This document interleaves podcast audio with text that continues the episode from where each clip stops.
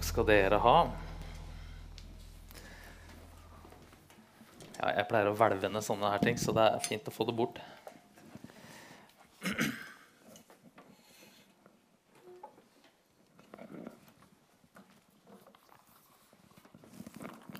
jeg tror det går bra,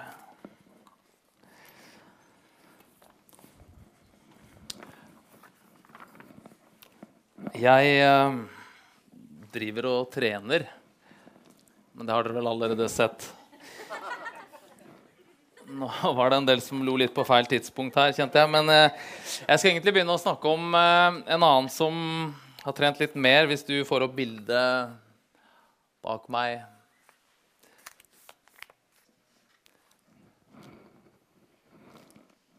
Det er nå du kan hilse på naboen din og hykle litt sånn som vi gjør i, eh, i frikirkeligheten og fortelle dem hvor glad du er i dem, og hvor fine de ser ut. Der, ja. Det var ikke lett å se, men eh, Der, ja. Se her. Nå har vi et problem. Skal jeg på 43 klare å lese teksten, eller skal dere se bildet? Vi prøver eh, begge deler. Um, jeg skal bare lese en tekst som denne personen har skrevet. Um, jeg har drevet med bodybuilding i nesten 20 år nå, og sånn ser jeg ut. Jeg har aldri tatt doping. Proteiner eller aminosyrer. Jeg drikker bare vann og spiser grovbrød. Det har vært mye hardt arbeid, men det er en stor glede å se meg i speilet og se hva jeg har gjort med kroppen min. Vennene mine ler når de tenker på meg, for de husker eh, at jeg ikke hadde en muskel på kroppen. Jeg meldte meg på Mr. Universe-konkurransen, men ble slått ut i en innledende runde. Neste år prøver jeg igjen. Jeg føler at, jeg er, at det er oppnåelig. Navnet mitt er Brody Thompson, og jeg er mannen i bakgrunnen. Jeg skal uh, snakke litt om mannen i bakgrunnen. Vi kan godt få på litt mer lys her, for jeg skal lese en bibeltekst. Og jeg er 43. Uh, jeg skal snakke litt om mannen i bakgrunnen i kveld. Uh, men jeg skal snakke om en litt annen mann i forgrunnen. Og vi tar oss tid til å lese en tekst i Lukas evangelium fra kapittel 9 og vers 28. Omkring åtte dager etter at han hadde sagt dette, tok han med seg opp Peter, Johannes og Jakob og gikk opp i fjellet for å be. Og mens han ba, fikk ansiktet hans et annet utseende, og klærne ble blendende hvite. Med ett sto to menn og snakket med ham. Det var Moses og Elia. De viste seg i herlighet og talte om den utgangen livet hans skulle få, om det som han skulle fullføre i Jerusalem. Peter og de andre hadde falt i dyp søvn. Nå våknet de, og de fikk se hans herlighet og de to mennene som sto sammen med ham. Da mennene skulle til å forlate ham, sa Peter til Jesus.: Mester, det er godt at vi er her. La oss bygge tre hytter, en til deg, en til Moses og en til Elia. Han visste ikke selv hva han sa. Mens han talte, kom det en sky og skygget over dem, og da de kom inn i skyen, ble de grepet av frykt.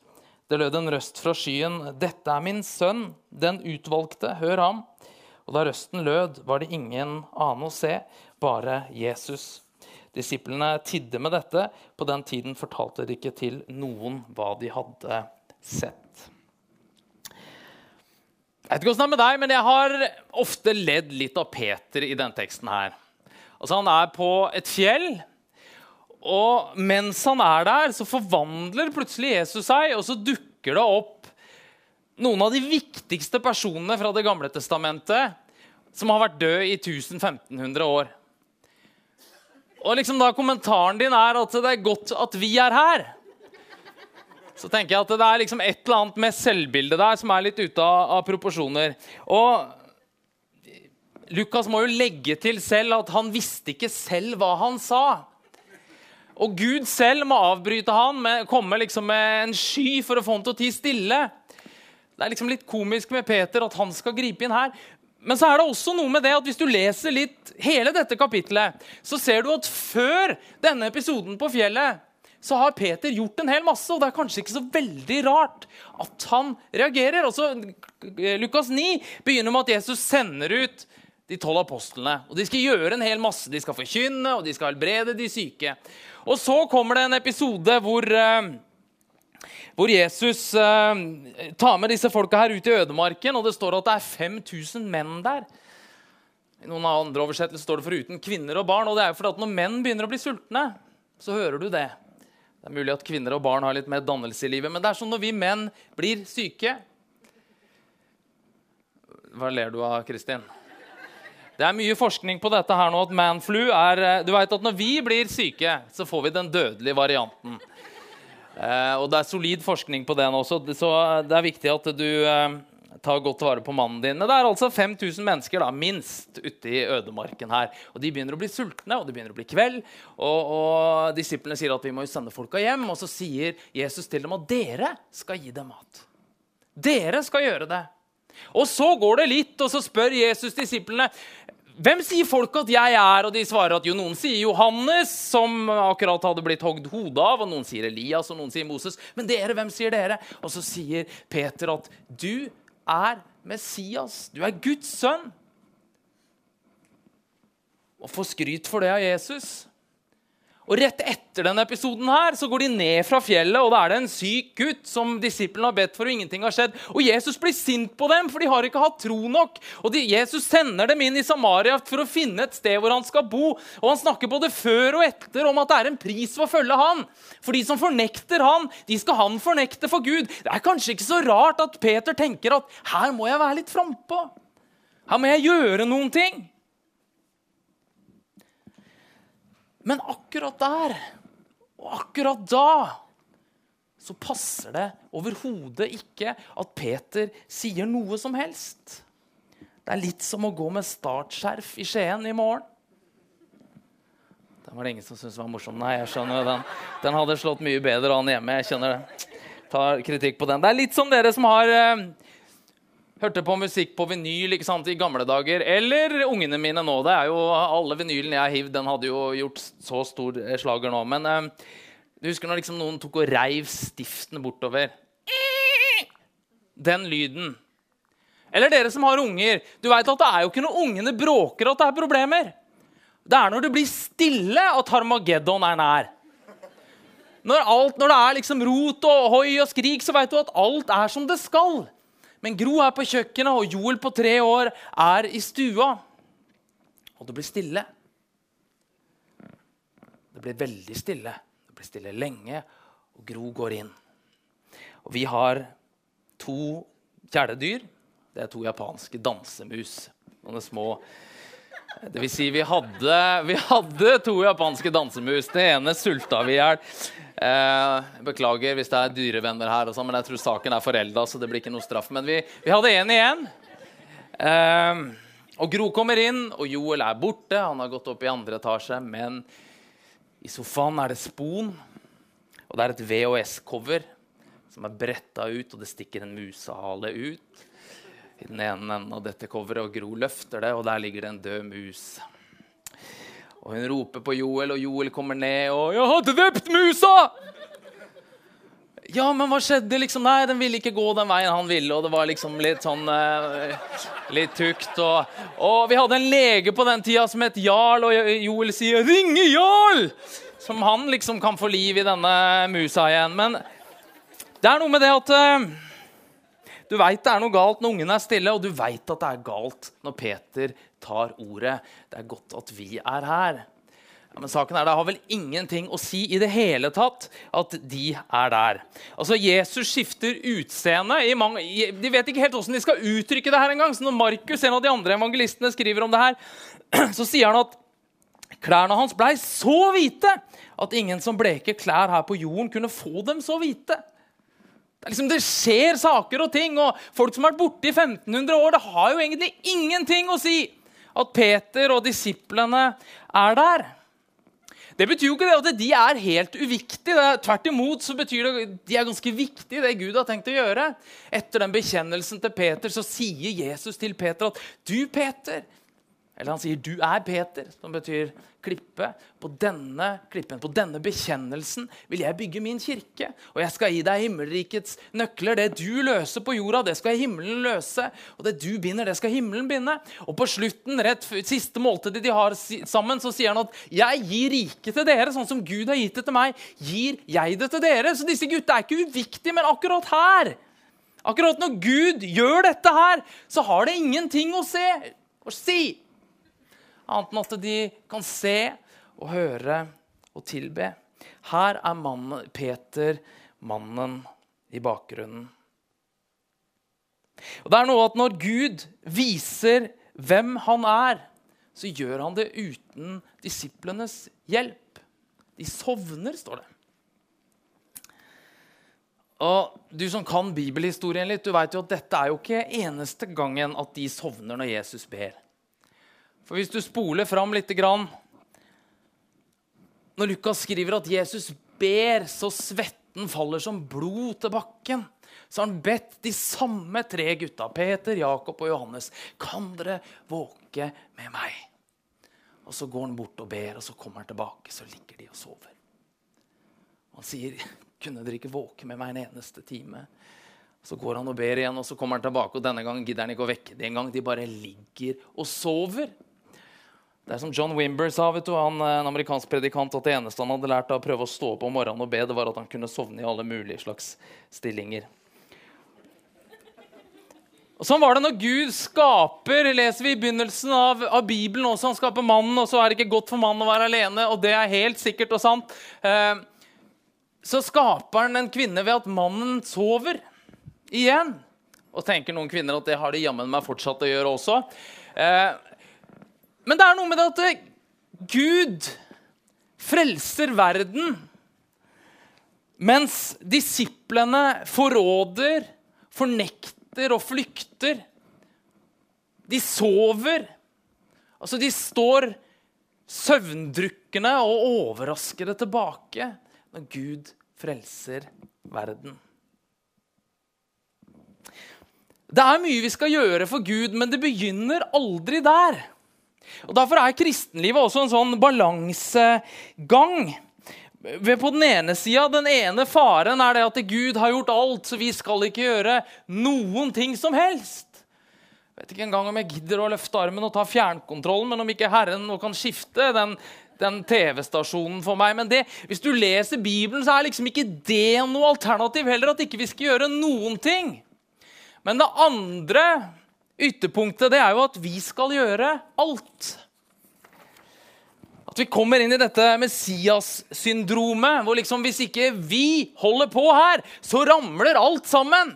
Og du ender opp som en sånn sur, gammel martyr som ikke klarer å glede deg over at ungdommen samles på fredagskvelden, men det er popkorn på gulvet! Og hvis ikke du er her og støvsuger, så ramler det sammen alt sammen. Og det er bedre at du lar være enn å bli sånn surmaga til plage for deg selv og andre. Magnus Malm skriver om dette her, han, han beskriver som om Gud er et halvfabrikat. Det er liksom, Gud er ikke ferdig før du begynner virkelig å svette. Og så sier han at da blir jo prestens eller pastorens rolle i forhold til Gud det blir som riksantikvarens forhold til, til middelalderkirkene, til stavkirkene, at du må passe på så ikke de ramler sammen. Men det er jo ikke Gud.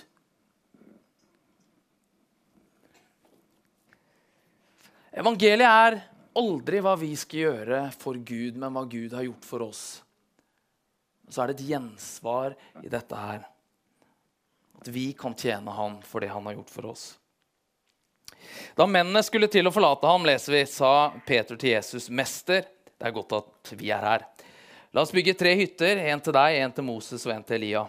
Han visste ikke selv hva han sa. Det er bare så fantastisk at Lukas legger til den kommentaren der. Jeg vet ikke hvorfor han skulle bytte, bygge, begynne å bygge disse hyttene, men én ting kan jo være at han, han vet liksom helt hvordan han skal håndtere dette her. Altså, Hva gjør man da? Vet ikke om dere har merka det, men jeg syns ikke vi heller er så gode på å håndtere det hellige. Så hvis ting begynner å skje, så begynner vi å klappe. Det er det vi gjør. Uansett, liksom, så er det applaus er liksom tingen. Vi gamle pinsevenner, da var det liksom abbarykk som kom, ikke sant, og stolene knakk. Og jeg må bare hente litt vann. Sorry. Eller et sted jeg var og talte en gang, så var det en dame som litt uti alltid, på samme sted i talen, så reiste hun seg. Herre, du gjør det igjen. Hver gang. Og jeg tenkte at det er ikke Herren som gjør det igjen, det er du som gjør det igjen. Hver gang. Men det er noe med at Vi veit liksom ikke helt hvordan vi skal reagere. Jeg er ikke ute etter å liksom latterliggjøre noens spiritualitet. Og, men kanskje er det beste bare å tie stille og la Gud være Gud. Og kanskje representerer disse teltene våre forsøk på å skulle begrense Gud. For Hvis du har han i et telt, så veit du hvor han er. liksom. Så kan du komme opp dit, og så er det du som setter grensene. og Det er du som liksom bestemmer at sånn skal Gud være, og du får skrevet opp formelen og putta han i periodesystemet. Men det er ikke Gud. Litt tidligere i Lukas her så leser vi om en Herodes. Eh, og nå er det sånn Når vi leser evangeliene, så er det ikke én Herodes. Det er opptil flere. Eh, Herodes falsk er ikke en av dem, men det er, tre-fire stykker. Eh, og Han som vi leser om her, det er en som heter Herodes Antipas. Og Det står om han at han også lurte på hvem Jesus var. For han hørte disse tingene står det når apostlene var sendt ut. Så lurer han på er han Johannes. Han hadde nemlig kutta huet av Johannes. Eller hvem kan det være? Og så står det, skriver Lukas, at han eh, Han ville gjerne møte ham. Står det. Og han fikk løftet sitt oppfylt. For når Pilatus har eh, torturert Jesus, så står det at han sender ham til Herodes. Og så skriver Lukas at Herodes ble svært glad da han fikk se Jesus. Dette er jo det er for en kontrast. Altså Jesus, Guds sønn med tornekrone og piskeslag. Men Herodes blir svært glad, for han får endelig se Jesus. For han hadde hørt om ham og lenge ønsket å treffe ham. Og hør nå, Han håpet at Jesus skulle gjøre et tegn. Så han venter på en sirkusartist du, som skal liksom piffe opp festen hans litt. Og han gleder seg, for han har hørt at Jesus gjør en hel masse ting. Og nå skal Jesus komme til ham, og han håper han skal gjøre et tegn. Og så står det han stilte ham mange spørsmål, men Jesus svarte ikke et ord.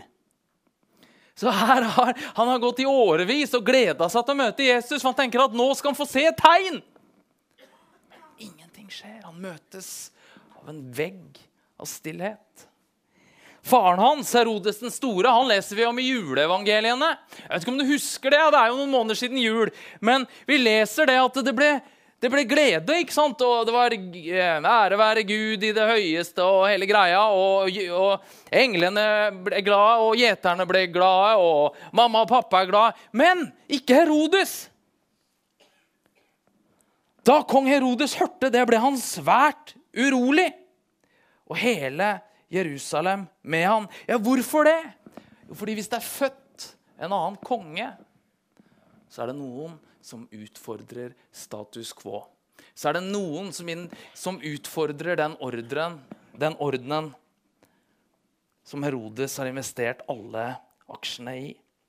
Og Kanskje representerer disse Herodesene, våre forsøk og våre ønsker om å få Jesus på våre premisser. Vi kan være med Herodes Antipas, som gjerne vil se et tegn. Som gjerne vil ha litt spirituelt krydder i livet. Eller Buddy Jesus, som sitter i sofaen med oss og tømler den opp og mener det samme som oss. Han er i grunn til forveksling lik oss. Det var som George Bernard Shaw, den britiske forfatteren, skrev ut at Gud skapte mennesket i sitt bilde, og mennesket var raske til å gjengjelde den tjenesten. Så du får en gud som er helt lik deg. Eller kanskje er det som Herodes den store, som holder Gud litt på avstand, for du skjønner at hvis dette er sant, så er det en hel del andre ting som ikke er sant. Men Jesus kommer ikke på den måten. Han lar ikke oss stille med, med kriteriene for hvordan han skal komme, og la oss diktere betingelsene. Han nekter å tilfredsstille en, en monark som er ute etter noe spektakulært. Han nekter å stoppe av en paranoid hersker eller flytte inn i teltet til en forvirra disippel. Mens han talte, skriver Lukas, kom det en sky og skygget over dem. Og da de kom inn i skyen, ble de grepet av frykt. Og det lød en røst. Dette er min sønn, den utvalgte. Hør ham. Dette dreier seg ikke om deg, Peter. Her er du mannen i bakgrunnen. Da røsten lød, var det ingen annen å se, bare Jesus.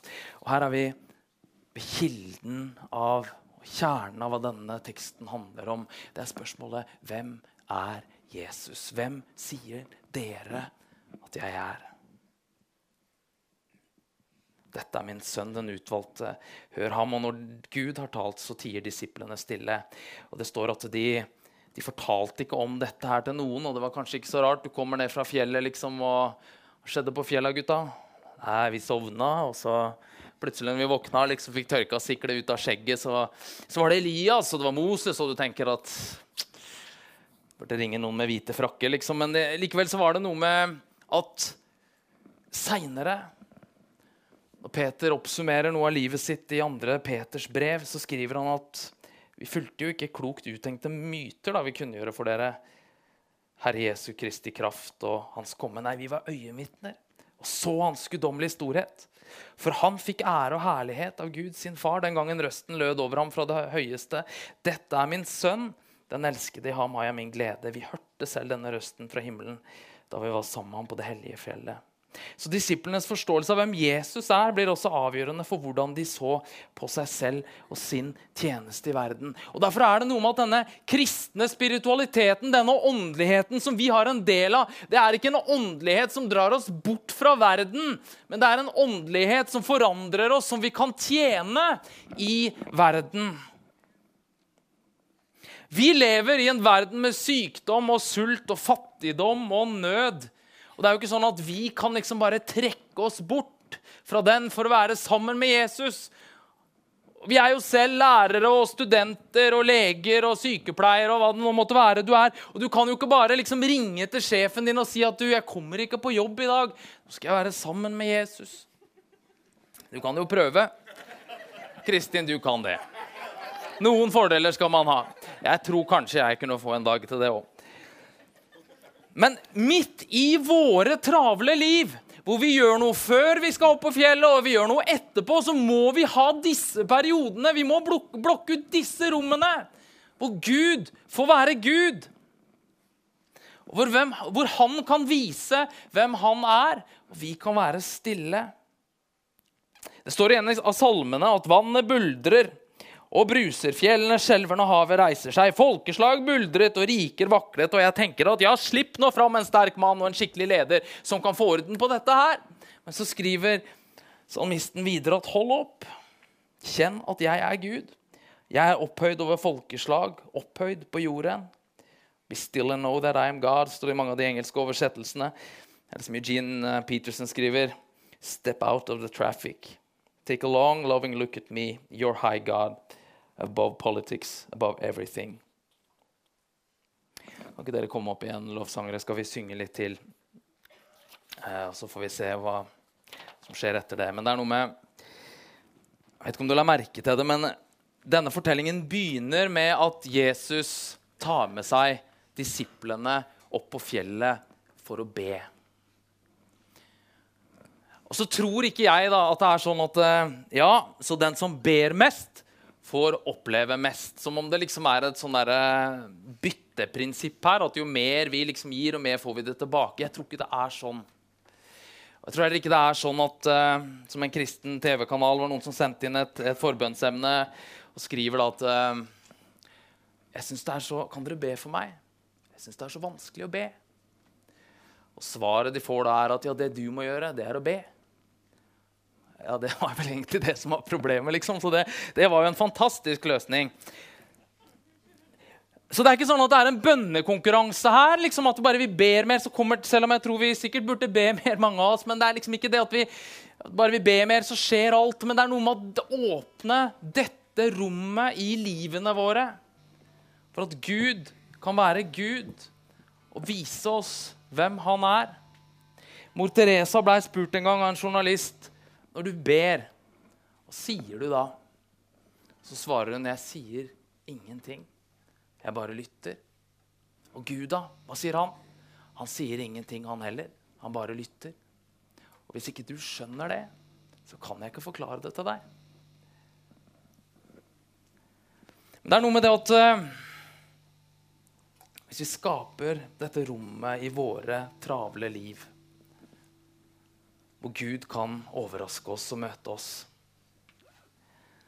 Og Hvis ikke så blir dette et oppdrag som vi skal gjøre i egen kraft.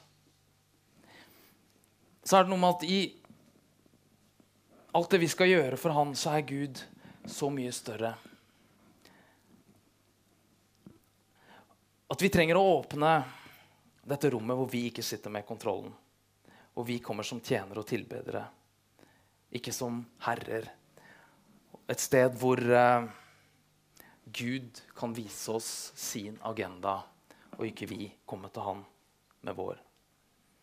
Navnet mitt er Truls Aaklund, og jeg er mannen i bakgrunnen. Her er vi alle menn og kvinner i bakgrunnen. Og når skyen letter og støvet legger seg, så er det bare Jesus igjen, skriver Lukas. Det lød en røst fra skyen. Dette er min sønn, den utvalgte. Hør ham. Og da røsten lød, var det ingen annen å se, bare Jesus.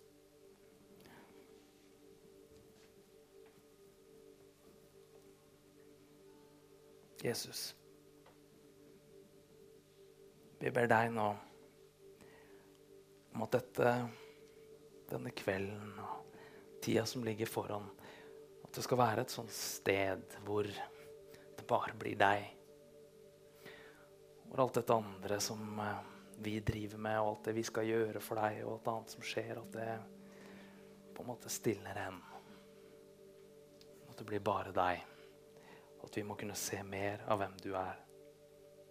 Amen.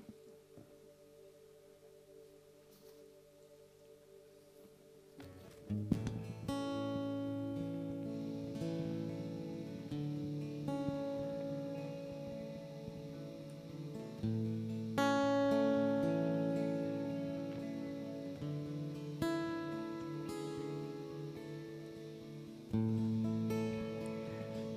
meg nær til deg.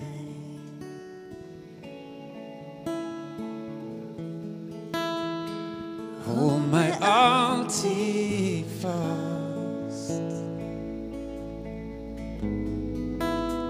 Gi meg helt til deg.